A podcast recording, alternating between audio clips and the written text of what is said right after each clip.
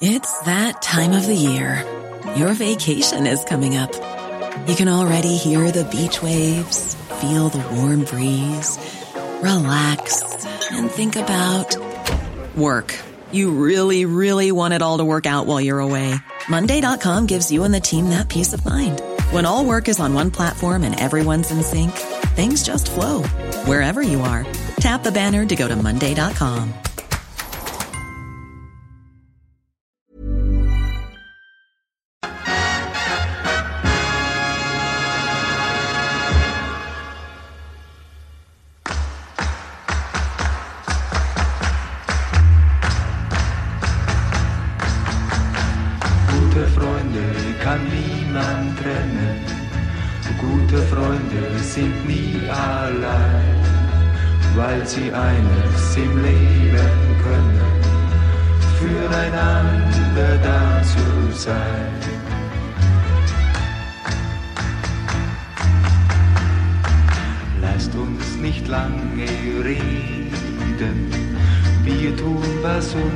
gefällt. Einmal fünf Mark für jeden, das ist doch nicht... Ja, gott folk. Man får ju nästan eh, på något sätt sätta sig ner i fåtöljen och ta ett djupt andetag för att hänga med vad som händer i den tyska fotbollen. För eh, det har hänt saker i veckan, eller hur Filip? Men varje dag känns det som att det har varit något ganska så stort ändå som har hänt. Från i måndags till idag, fredag, när vi spelar in, så har det väl egentligen varje dag kommit åtminstone en ganska så stor nyhet. Så att jo, det har varit en händelserik eh, vecka minst sagt. Mm, vi ska försöka guida er igenom den och ge en kompakt sammanfattning på vad som har hänt. Eh, vi kan ju börja i den änden där man trodde att det skulle vara den stora grejen den här veckan och nämligen att Thomas Tuchel då kommer få lämna, eller får, han kommer lämna enkelt sagt i sommar senast, ska understrykas, efter då helgens bedrövliga insats mot Bochum som betyder tredje raka förlusten för Bayern München, något som de inte har gjort sedan 2015. Och det ska sägas, 2015 när det skedde senast, det var när de redan hade vunnit ligan med Pep Guardiola. Så där, där var det ju lite så här, gå lite på halvfart och vila spelare. Men nu var det ju verkligen inte så. Nu har det varit ett en cirkusakt eh, utan dess like helt enkelt i München. Och Thomas Tuchel får helt enkelt packa ihop sitt pick och pack. Och vi har ju varit inne på det tidigare. Eh, kring, eh, kring situationen i Bayern. Vi kommer att prata mer om det men det är ju inte bara Thomas Tuchel som är problemet men han är ju en av faktorerna helt enkelt att det här inte stämmer överens. Nu tror jag ju, jag har ju hört många reaktioner och jag vill strax höra din åsikt där. Eh, många tycker ju att det är väldigt konstigt att Tuchel i dagsläget får stanna kvar till sommaren. Det snackas ju självfallet om de förlorar kommande matcher så kanske han får gå och Ole Gunnar Solskär kommer in som interim. Men många tycker i alla fall att det är konstigt att han stannar. Eh, först och främst för att de anser att det här, är, det här blir bara lame duck, dead man walking etc. etc. Samtidigt tror jag att det här blir, på något sätt en form av lättnad. Nu, nu, nu behöver det inte vara någon spänning mellan Torshäll och spelarna. Jag, jag tänker mig att nu kan man på något vis gå in med någon form av att nu jävlar ska vi visa världen. Utan att känna någon jobbig tension kring, jag vet inte, kring situationen. Ändå om självklart Bayern München är alltid under stor press nu. Speciellt när de inte kommer vinna någon titel om de inte tar Champions League. Hur är din tanke kring eh, denna Tuchel-röran? Men det har ju länge skakat i Bayern München kring Tuchel just. Många som har varit missnöjda. Man har ju under de senaste veckorna väntat på att det skulle komma ett beslut. Sen trodde jag kanske då också att han skulle få gå på dagen och inte att man skulle komma överens om att han skulle få sitta kvar säsongen ut. Samtidigt förstår jag det beslutet också. Och som du säger, så att det, det lättar upp lite spänningen. Alltså en sån spelare som Joshua Kimmich till exempel. Som eh, det har snackats mycket om, om han ska bli kvar eller inte. Att han inte då vill bli kvar förutsatt att Tuchel stannar i Bayern München. Han kan ju mer planera för sin framtid om han vill vara kvar i Bayern München. För att det kommer då komma in en ny tränare till sommaren. Den tränaren kommer förmodligen att bli klar här någon gång under våren skulle jag tro. Sen när det blir Xabi Alonso eller vem det blir, det återstår ju att se. Men jag, jag skulle tro att man har det där klart innan den här säsongen är till ända i alla fall. Um, så att jag kan ändå förstå det. Sen tycker jag väl ändå att Tuchel kanske inte har gjort sig förtjänt egentligen av att få sitta kvar säsongen ut. Och det påvisar väl lite att Bayern München har tappat det här greppet som man så länge har haft om att vara den här storklubben som har vinnarmentaliteten först och främst oavsett vad man gör. Nu har man förlorat mot Bochum, man har förlorat mot Werder Bremen, man åkte ur cupen mot Saarbrücken, man blev förnedrade i Supercupen mot Leipzig och mot Leverkusen här i i ligafinalen häromveckan. Och Eintracht Frankfurt förlorar man mot med 5-1. Så att det har varit väldigt många plumpar här. Så att jag tycker väl egentligen att Tuchel borde få kicken rent sportsligt. Men eh, jag antar då att Bayern München har en långsiktig plan och att det här är det bästa beslutet. Så jag, jag får väl ändå tro på Bayern München. Men man börjar undra lite hur, hur det står till i klubben. Mm, jag, jag, jag förstår ju din din tanke där också med eh, att han inte är riktigt värd att få fortsätta. Men precis som du är inne på där, jag tror deras plan är väl framförallt att skapa tid för att få in en tränare nu som på lång sikt ska jobba i Bayern mitt under en säsong är ju, är ju minimal. Och eh, som du var inne på tidigare, där, Alonso är ju number uno som de gärna vill plocka in och han kommer de inte riktigt kunna lösa nu under våren. Sen får vi ju se helt enkelt. Det här öppnar ju upp för Bayern att de redan nu kan ja, förhandla med, med Alonso och Leverkusen. Eh, men min magkänsla säger att, att det här kommer bli riktigt tufft för Bayern. Att hitta en huvudtränare som de är väldigt nöjda med. Eh, jag tror att Alonso faktiskt kommer stanna i Leverkusen. Eh, jag tror att eh, om inte Liverpool snappar honom, men jag, min magkänsla säger på något sätt att han är så himla smart. Han, han är för klok. Alltså, att gå till Liverpool i dagsläget med tanke på Kloppo och hela den, eh, den historiken. Eller Bayern München som är just nu en kaotisk jag vet inte, vissa skulle kalla det shitshow, men där det är mycket trassel, men självfallet enormt mycket potential att kunna bygga upp något nytt.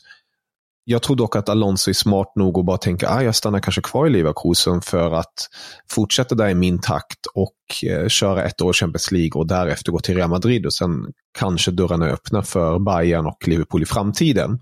Samtidigt tänker jag, ja men vinner han ligan med Leverkusen, då kanske han inte känner någon motivation att stanna kvar i Tyskland. Då kanske han går till Liverpool. Så ja, du hör på mig, jag är själv inte 100% säker riktigt hur jag känner kring Alonso-frågan. Men eh, det jag vill komma tillbaka till är ju att det är väldigt jobbigt läge för Bayern München när det kommer till just det här tränarjakten.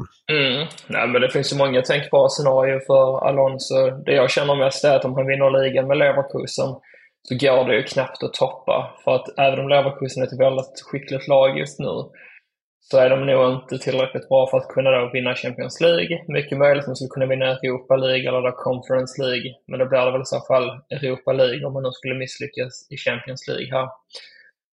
Men jag tror väl att nu är det ju ändå en, en så pass öppen väg för honom att vandra antingen in i Liverpool, eh, som är en klubb han tidigare representerat. De kommer förmodligen ha ganska stor tro på honom och tålamod med honom, vilket engelska klubbar generellt inte har. Men sett nu till att man har haft Klopp så länge så tror jag att man vill tänka, fortsätta tänka långsiktigt. Och Alonso är en sån jäkla juvel just nu på tränarfronten. Så att jag tror att man kommer verkligen vilja satsa på honom. Och samma sak med Bayern München. Alltså där, där kommer han ju också där kommer han ju till ett, ett redan väldigt skickligt lag i grund och botten. Det är bara att han måste få ordning på saker och ting och sen så fylla på med, med lite bättre spelare på vissa positioner och sen framförallt få mer sämja i truppen. Så att, ja, vi får se vad, vad, han väljer. Jag har ju svårt att säga att han blir kvar i Leverkusen, men eh, givetvis hade det varit roligt för att då är det större sannolikhet att vi får se ett Leverkusen som fortsätter utmana om ligatiteln. Så att det blir det här att man vinner nu och sen så tar Bayern München över taktpinnen igen och så vinner man tio år på raken på nytt. Utan nu vill de att det ska fortsätta vara jämnare i toppen här. Men det jag tänkte bara säga om Tuchel också, det är det här att det är ju en sak att man inte lyckas skapa sämja i, i laget, att spelarna inte tycker om honom. Men det är det här också att när resultaten är så pass dåliga som de är just nu, då riskerar man ju dessutom att åka ur Champions League här och ligan är ju mer eller mindre redan körd känns det som. Och kuppen är man ute ur och Supercupen förlorade man. Så att det är mer det jag känner att nu när alla titlar håller på att skita sig, då är det ju konstigt av Bayern München att ändå vilja fortsätta med en tränare som fansen uppenbarligen inte vill ha där. Han själv känns inte som att han jättegärna vill vara här i Bayern München. Och spelarna vill ju inte heller ha honom verkar det som. Så att det är lite märkligt ändå att han får fortsätta, men absolut, annars är det att hitta en tillfällig lösning för säsongen ut och sen satsa på, på en tränare från och med sommaren då. Men ja, jag tycker lika bra egentligen att kunna gett andra lagets uh, tränare, jag vet faktiskt vem det är som leder andra laget i Bayern München, men han kunde lika bra fått, uh, fått chansen så fall att leda Bayern München nu känns det som. Nej, de skämtar ju i Tyskland om att Thomas Müller borde lika gärna bara tagit på sig tränarhatten också. Som spelande ja, det tränare. Det hade funkat lika bra som det gör nu faktiskt, om inte bättre. Just nu mm. känns det som att det kan inte bli sämre än vad det är. Alltså det här mot Bochum var ju bara för bra för att vara sant nästan. Att man går och förlorar den matchen också. Efter att man då tidigare i veckan förlorat mot Lazio. Och det har varit sådana skandalrubriker då över hur usla Bayern är. Och då trodde man ändå att nu ska de visa framfötterna och vinna något här och, och visa att man faktiskt är att räkna med. Men så går man och förlorar den. Och nu är det väl åtta poäng idag man har åkt till Bayer Leverkusen med lika många matcher spelade. Så att, ja, det är mycket som ska till för att uh, Bayern München ska ta sig förbi Leverkusen. Ja, det, det, det kan vi ju båda två nästan, eh, eller nästan, kan vi skriva under på att det inte kommer ske. Det är i så fall bara om spelarna i Leverkusen får kalla fötter för att de inte är vana vid en sån här situation. Men ja. Nu har de redan tagit sig så här långt så att jag har svårt att se det hända faktiskt. Verkligen, det, det ska väldigt mycket till. Eh, och precis som du är inne, vi, vi, kan nästan, vi kommer kunna, kunna ha ett eh, lite mer ingående avsnitt med, med Bayern, det har vi ju ofta, men, men ännu djupare för att problemet är ju så djupt rotat, inte första gången det har blivit en form av spelar Eh, Eh, revolution eller vad man nu ska kalla det, revolt mot tränare i Bayern München. Det har ju hänt många gånger tidigare och där är ju också ett form av frågetecken kring hur mycket makt har egentligen spelarna? Har de kanske för mycket makt med tanke på vad de presterar själva? Eh, och hur är truppen egentligen uppbyggd? Och där har vi varit inne på tidigare att truppen är ju uppbyggd på ett väldigt skevt sätt på grund av att Salahamidic och Oliver Kahn inte alls gjorde ett bra jobb. De hade ingen tanke med vad de värvade. De har värvat märkligt helt och hållet de senaste åren. Självfallet vissa undantag. Men eh, i det stora hela består Bayern München i dagsläget av främst individualister och så kallade stjärnor och inte lagspelare som eh, på något sätt vill eh, stötta varandra och göra det som Bayern är vana vid att göra, nämligen så här, Mia Samia, visa mentaliteten, visa på något sätt nu jävlar ska vi vinna allt mot alla. Även om vi har förlorat en match så kommer vi tillbaka och ja, på något sätt visa det som egentligen Bayern München står för. Mm, ja, men de har ju också blivit lite bortskämda spelarna såklart. De har ju haft här 10-11 år där man har prenumererat. Have catch yourself eating the same flavorless dinner three days in a row? Dreaming of something better? Well, hello fresh is your guilt free dream come true baby. It's me, Gigi Palmer. Let's wake up those taste buds with hot juicy pecan crusted chicken or garlic butter shrimp scampi. Mm. Hello Fresh. Stop dreaming of all the delicious possibilities and dig in at HelloFresh.com. Let's get this dinner party started. Hiring for your small business? If you're not looking for professionals on LinkedIn, you're looking in the wrong place. That's like looking for your car keys in a fish tank. LinkedIn helps you hire professionals you can't find anywhere else, even those who aren't actively searching for a new job but might be open to the perfect role. In a given month, over 70% of LinkedIn users don't even visit other leading job sites. So start looking in the right place. With LinkedIn, you can hire professionals like a professional. Post your free job on linkedin.com slash achieve today. För att flyget ut den och det, man har varit ett självspelande piano i mångt och mycket. Och ändå så har det varit lite turbulens, eh, framförallt den förra säsongen, utanför planen.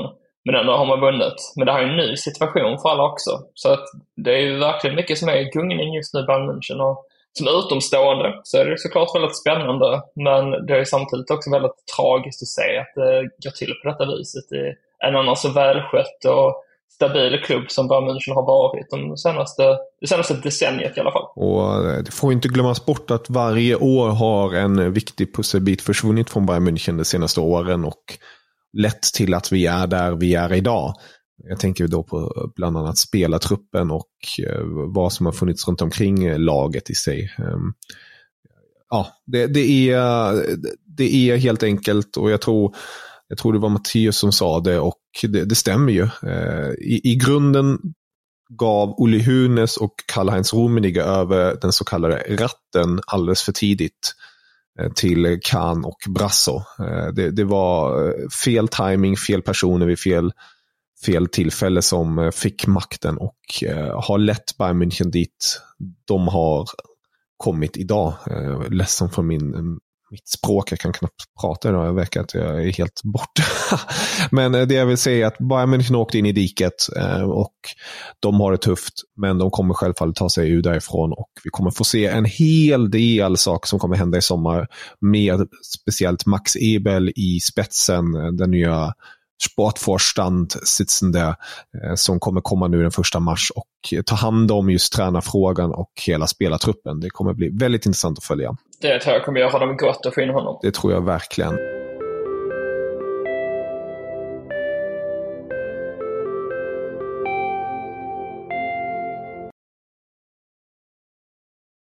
Men med det sagt tycker jag att vi går till eh, veckans andra stora ämne eh, och bara kort och gott. Där tycker jag också att vi på något vis ska landa i lite djupare diskussion i ett annat avsnitt. Men det är viktigt ändå att vi tar upp det. För att protesterna som vi har fått se de senaste veckorna har nu burit frukt. Fansen, ni som inte har hängt med, men jag gissar på att ni har hängt med, ni som lyssnar på detta och tittar på tysk fotboll, för att det, var, har varit väldigt svårt att inte eh, märka av de eh, så kallade tennisbollarna som har flugit på planen. Nu senast också eh, små flygplan men även radiostyrda bilar. De var väldigt kreativa där på eh, ultrasidorna.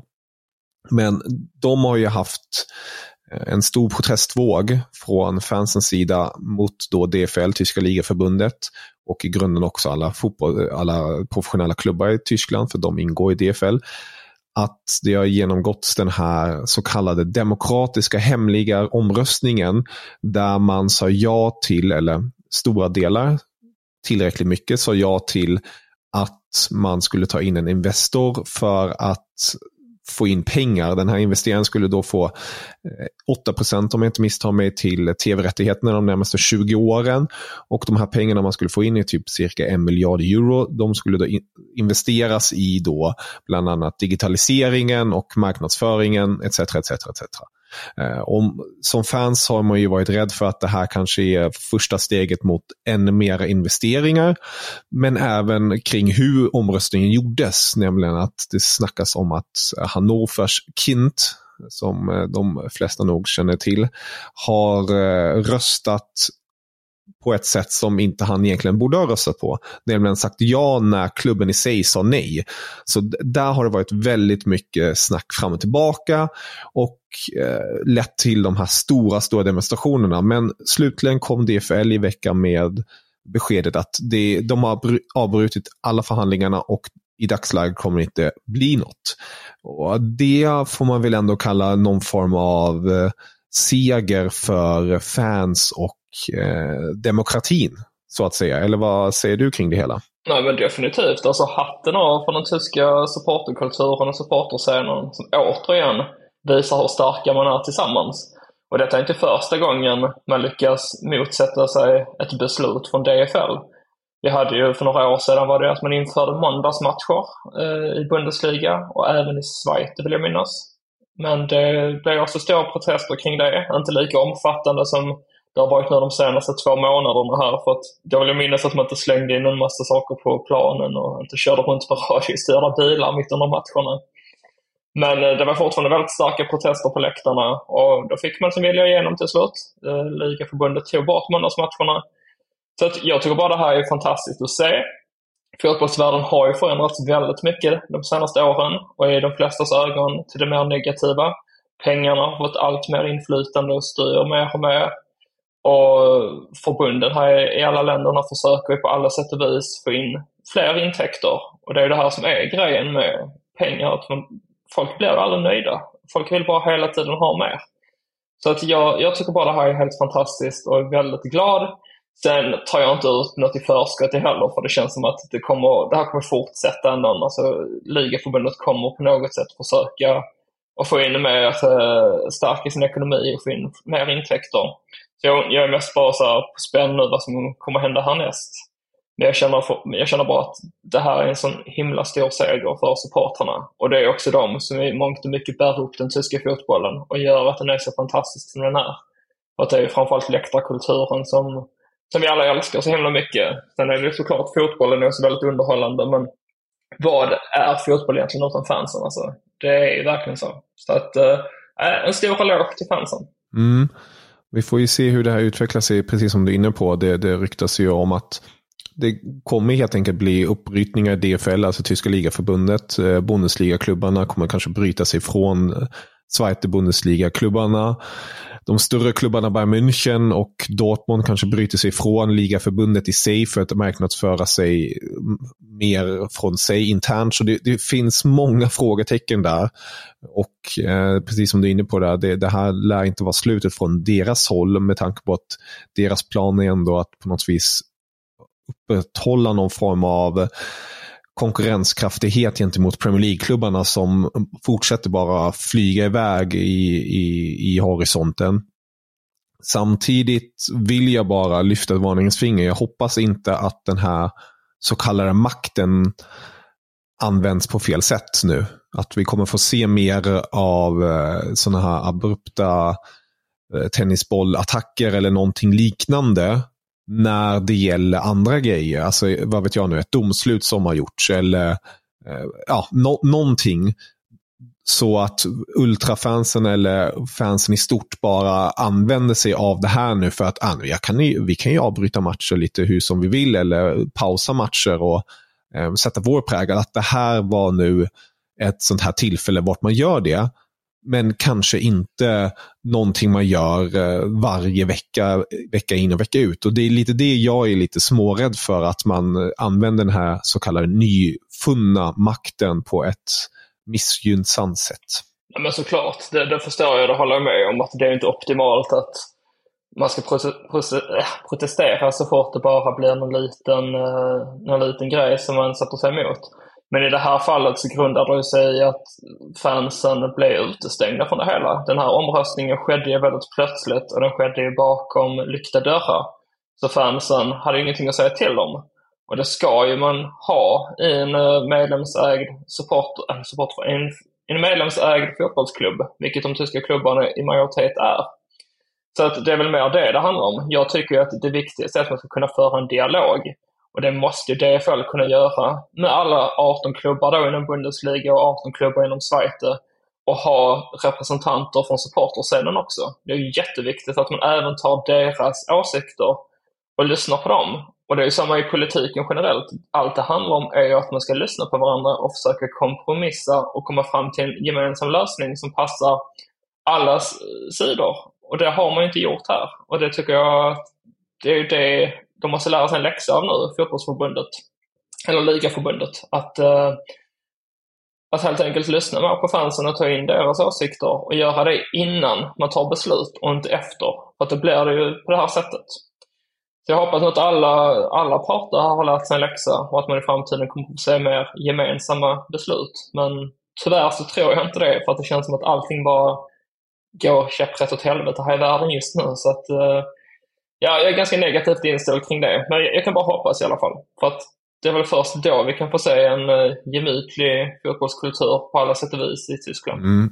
Jag håller med dig eh, till stora hela eh, och hoppas väl på, det är väl hoppet som lämnar en till sist, men det är inte mycket som är positivt nu för tiden. Men ja, vi, kan lämna det här för nu. Mm och återkomma till eh, de här diskussionerna senare. Men eh, lite positiva noter då. Baumgart, berätta. Hur mår du? Jo, men jag mår väl bra. Alltså, jag hade väl ändå någonstans trott på att detta skulle ske. Att Baumgart skulle komma till HSV till slut. jag blev mest överraskad då när Tim Walter fick sparken, att man inte redan hade gjort klart med honom. Eh, Istället så valde man då att satsa på interimtränaren Erling Poltzin här i den senaste matchen mot Hansa Rostock. Men det gick ju inte särskilt bra. Det var ju mer tur än skicklighet. Man fick med sig en poäng därifrån. Så att det var väl dagen efter redan på söndagen det började snackas om att eh, Baumgart och HSV befann sig i förhandlingar. Och sen på måndag eftermiddag kvällen där så basunerade tyska tidningar ut att han var klar. Och mycket riktigt dagen efter så presenterades han som ny tränare för HSV. Och jag kom på mig själv igår för att jag låg igår kväll och kollade lite på HSVs YouTube-kanal, på de här klippen nu man lagt upp med Baumgart, presskonferensen och, och hans första träningar och sånt. Och, och jag liksom bara låg och log för mig själv och, och, det kändes nästan som att jag drömde så jag fick nypa mig själv i armen att han verkligen var på plats. Och det känns för bra för att vara sant nästan när man har hoppats på att någon ska komma och sen är han verkligen på plats. Alltså, ja, det, känns, det känns väldigt bra. Så att jag har stora förhoppningar nu här på framtiden och våren att eh, vi ska lyckas lösa en uppflyttning. Och det känns som att Baumgart är helt rätt man för det uppdraget. Även om jag också är medveten om att det är HSV, så att troligtvis kommer det ju skita sig. Men eh, hoppet är det sista som överger en, som du sa. Om man säger så här, det sista Baumgart vill är att hamna på kvalplatsen. Han kommer göra allt i sin makt för att inte hamna på kvalplatsen. För att om HSV hamnar på kvalplatsen så kommer ju fotbollsgudarna vara där och trycka dit Köln på andra sidan. Och det mötet, det vill han inte ha. Det vill han verkligen inte ha. Nej, och det känns ju det känns ju som att det redan är hugget i sten att det kommer att bli på det viset. Men äh, vi får se. Det är som han själv sa, att nu har vi verkligen saken i våra egna händer. Vi har St. Pauli kvar att möta på hemmaplan, vi har Kiel kvar att möta på hemmaplan, vi har Greuther Fürth kvar att möta. Och det är ju toppkonkurrenter. Och Düsseldorf är också kvar. Så att det är de matcherna man måste vinna helt enkelt. Samt då de andra. Det går inte att man förlorar mot Elversberg eller Osnabrück som man gjorde i höstas. Utan de matcherna måste rendera då tre poäng vardera. Och sen är det även mot topplagen. Det är ju verkligen de matcherna man måste vinna. Så att jag hoppas ju att spelarna inser nu också vilket allvar det är och att han på denna korta tiden hinner sätta sin prägel på laget. Eh, det är ju främst defensiven som måste förbättras och det är han kanske inte vida känd för att vara den som förespråkar defensiv fotboll. Men han förstår ju själv eh, hur stort, eh, vilket stort problem defensiven har varit. Och nu har vi tack och lov Sebastian Jean Lau tillbaka, lagkapten och mittbacks Biesse som, eller som Baumgart dessutom hade under åren i Paderborn. Så att de känner varandra väldigt väl. Jag tror att det kan bli bra faktiskt. Men eh, återigen, HSV är HSV och det brukar ju sällan sluta bra. Så att uh, det, man är ändå väldigt reserverad samtidigt som jag vill låta mig själv hoppas. Mm, jag förstår det. Vi kan ju avrunda det här segmentet med, med att jag vill bara säga att han passar jävligt bra i HSV-kläderna i alla fall. Visst gör han. Mm. Jag läste att den här jackan han hade på sig nu när han presenterade, så att den hade ju sålt som smör i solsken. Så att den är ju helt slutsåld nu. Ja. Och sen har man ju tryckt upp eh, baskrar då. Han brukar ju bära baskrar Mm. med 72 på, eh, på sidan där och HSV-emblemet. Så att den kommer väl snart att dyka upp här i HSV-fan-shoppen. Så att det är inte bara de här solhattarna nu som alla fans går runt med med HSV-motiv utan eh, det kommer nog även vara en hel del baskrar framöver på Volkswagenstadion. Ja, det tvivlar jag inte en sekund på. Men om vi lämnar solskenet i Hamburg kan vi väl vända oss till solskenet över det tyska landslaget. För att igår kom beskedet som eh, jag i alla fall, och jag tror många där till där ute blev väldigt glada över. Toni Kroos som eh, hade gjort avsked till det tyska landslaget efter senaste EM-mästerskapet tillsammans med Joggi har nu eh, sagt att han återvänder efter flera timmars samtal med Julian Nagelsmann. Jag lyssnade nämligen på Tony Kroos podd och där berättar han då att Nagelsmann, väldigt roligt ändå, en av de första sakerna Nagelsmann tydligen ska ha gjort, Tony Kroos säger inte det bokstavligen, men man märker det på honom hur han säger det. För att Felix, då hans bror, frågar honom när, när tog Nagelsmann kontakt? Och då sa Tony Kroos att det, det tog väl inte så lång tid. Eh, och eh, det måste jag ändå ge, eh, ge stor eloge till Nagelsmann att det är det, typ det första han gör. Att han, att han tar upp telefonboken och ringer Kroos och bara slänger ut det. Vet du vad? det är ett hemma-EM. Vi skulle behöva dig. Vad tycker du? Och det ska då ha marinerat en, en, ett längre, en längre period hos Kroos, berättade han i sin podcast. Och eh, de hade flera eh, samtal därefter. Ehm, inte bara att han skulle återvända, även hur Nagelsmann tänker kring Tyskland ska spela och eh, vad man har för ambitioner och tankar kring spelidé och system etc. etc. Och när han nu har tagit beslutet att återvända så märker man ju på honom att han är extremt motiverad. Det ser han i alla fall i sin podcast. Och jag tycker ju, eh, och det, jag tror jag är inte ensam där, att det här är ju på något sätt en sån här positiv nyhet som det tyska landslaget, det tyska folket i det stora hela behöver. För att det har varit så mycket negativa nyheter och med då Nagelsmans intåg, inte varit de bästa resultaten, också varit lite märkliga beslut. Men jag tycker ändå att Nagelsmann verkar nykter. Han verkar nykter i hur han tänker, hur han kommunicerar saker utåt. Jag tycker också att det verkar väldigt nyktert. Nu använder vi det ordet väldigt mycket här. När han pratar med Tony Kroos om då hur han tänker och tycker, som jag tycker är väldigt sunt i sammanhanget för att Tony Kroos är förmodligen Tysklands mest välmeriterade fotbollsspelare genom tiderna. Ehm, det behöver inte betyda att han är den bästa, men vad han har åstadkommit och vad han fortfarande åstadkommer i Real Madrid är något utöver det vanliga. Och med honom i laget tror jag verkligen att Nagelsmann kan bygga någonting. Jag skrev det igår på Fotbollskanalen att det här är den första stora pusselbiten som eh, Nagelsmann kan bygga det stora EM-pusslet runt omkring. Med det sagt är inte Tony Kroos någon form av messias eller någonting sånt, men han är en väldigt positiv indikator till att man kanske ändå kan lösa någonting vackert till sommaren. Att det blir den här sommarmärken 2.0. Eller hur tänker du Filip? Jag kan mest vara igen dig då som väldigt positiv kring det tyska landslaget. Nu börjar det här igen att dyka upp förhoppningarna bara för att få dem krossade sen framöver. Uh, nej men jag tycker ju själv att det är väldigt kul att Kroos är tillbaka. Det är ju lite av en favoritspelare till mig, trots då att han avskyr HSV.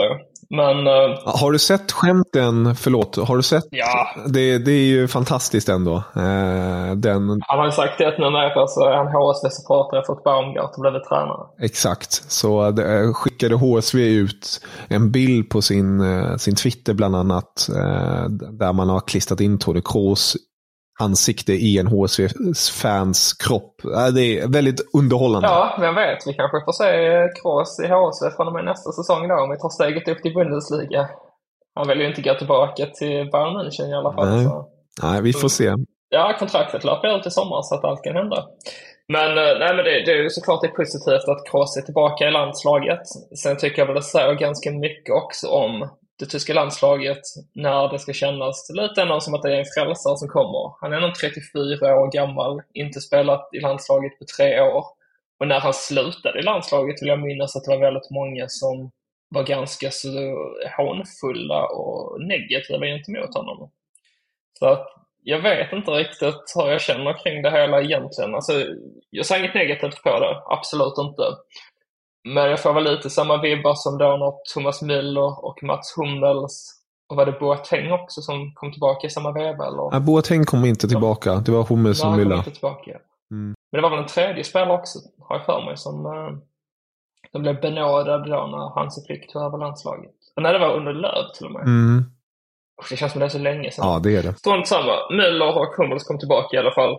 Och då blir det också lite den här känslan att åh, de gamla legendarerna, trotjänarna, nu kommer allting bli bra. Och det har det inte blivit. Så att jag har höga förhoppningar på Kroos, absolut. Och jag tror definitivt att han kommer tillföra något. Men sen om det är han som är skillnaden på om det blir att man åker ut i gruppspelet eller om man lägger vantarna på EM-pokalen. Ja, där, där tror jag väl ändå inte riktigt att han har det som krävs. Men det skulle vara väldigt spännande att se Kroos tillbaka i Die Mannschaft här. Jag, jag hoppas ju verkligen att vi får se en förbättring, men äh, det, det, är så jäkla svårt att veta med det här landslaget. Det är så många år nu det har varit dåligt, så att uh, man är så inställd nu på att allting ändå bara blir skit. Så som med HSV. ja, eh, vi, vi, vi får se det. Som sagt, jag är ju extremt kritisk alltid. Jag, jag, länge sedan skrev en positiv text om, om det tyska landslaget, tyvärr. Men det är också extremt optimistiskt. Men jag har ju precis... Det ju det det hinner gå för lång tid emellan. Exakt, och, och jag har ju ändå ett hopp. Och det som jag ändå vill grunda det här hoppet på, och som du är inne på, alltså jag tycker ändå eh, det Kroos levererar i Real Madrid, det Kroos står för, det Kroos kan, Ehm, Ehm, det är verkligen en, en byggsten som jag tror Nagelsmann kan göra någonting av, väldigt, eh, något väldigt bra av. För att Nagelsmann utifrån hur eh, snacket går i Tyskland. Jag tror att han inte är likt Löv tyvärr och Flick som de, de hamnar i något konstigt tunnelseende. Jag tror att Nagelsmann är så Eh, på något sätt eh, ja, lyhörd. Att han hör och ser vad de andra så kallade experterna är ute efter. Jag tycker Mattias Samma har varit inne på det, lite det som vi har fått se i Bayern, att det har varit alldeles för många individualister. Motsätter ju lite det som han gjorde med Havertz som vänsterback. Men jag tror att efter den, det lilla experimentet och hur han formerar det där, tror jag ändå att det finns en form av, ehm, eh, ah, hur ska man säga, smart tillvägagångssätt hur man ska på något sätt hantera spelartruppen och hur man ska ta ut det. Det finns ju många frågetecken fortfarande hur man ska eh, lösa en startelva och hur den ska se ut. Men med, med en Tony Kroos i mitten som dirigent så tror jag ändå att det kan eh, vara ett, ett första steg till en positiv sommar. Med det sagt, jag var en av dem som var väldigt kritiska mot Tony Kroos på slutet av hans landslagskarriär tidigare. Jag eh, rycktes med i, nu vill jag ha något nytt, nu clean slate, tack och hej. Men vi såg ju att den här nya generationen, eller nya nya, men den andra generationen därefter med Kimmich och så, det har inte fungerat. Och eh, jag tror att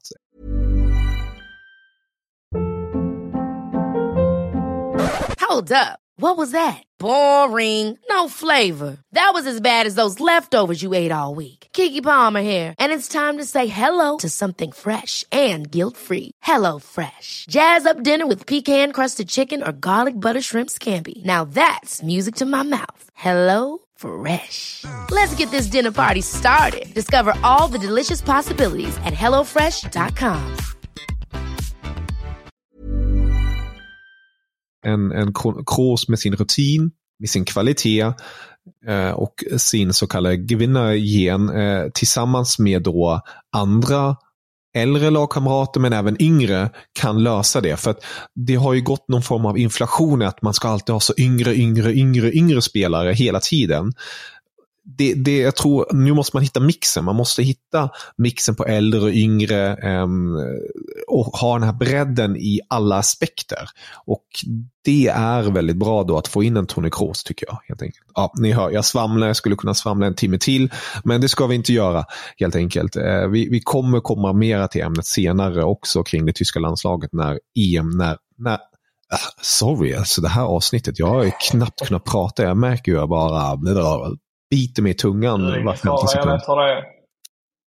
Jag säger som så här. Ja. Om exakt en månad idag så spelar Tyskland borta mot Frankrike i en träningsmatch. Låt oss vänta och se hur saker ser ut då. Ja, låt oss vänta. Det, det är de ledande orden och med det tänker jag att vi, vi stänger butiken för den här gången. För vi låter oss vänta till tyska landslaget och vi låter oss vänta till det som komma skall eh, nu till helgen och nästa vecka när vi ska snacka ner det och snacka upp det som händer i Europa. Eh, nu pratar vi inte så mycket om Europa det här avsnittet, det drog lite ut på tid med allt annat, men... Men det är så negativt ändå, så Exakt. jag känner inte att jag har någon lust. Nej, vi, vi, vi återkommer Vi skippar det, till vi det. håller oss till det positiva idag. Exakt. Vi återkommer till det nästa vecka när också Europa League-lottningen är gjord och vi har lite mer klarhet kring situationen i stort. Ja, Ja, det låter bra. med det sagt, ta hand om er och ta hand om dig Filip så hörs vi snart igen. Detsamma du. Auf Wiedersehen. Auf Wiedersehen. Ich habe fertig.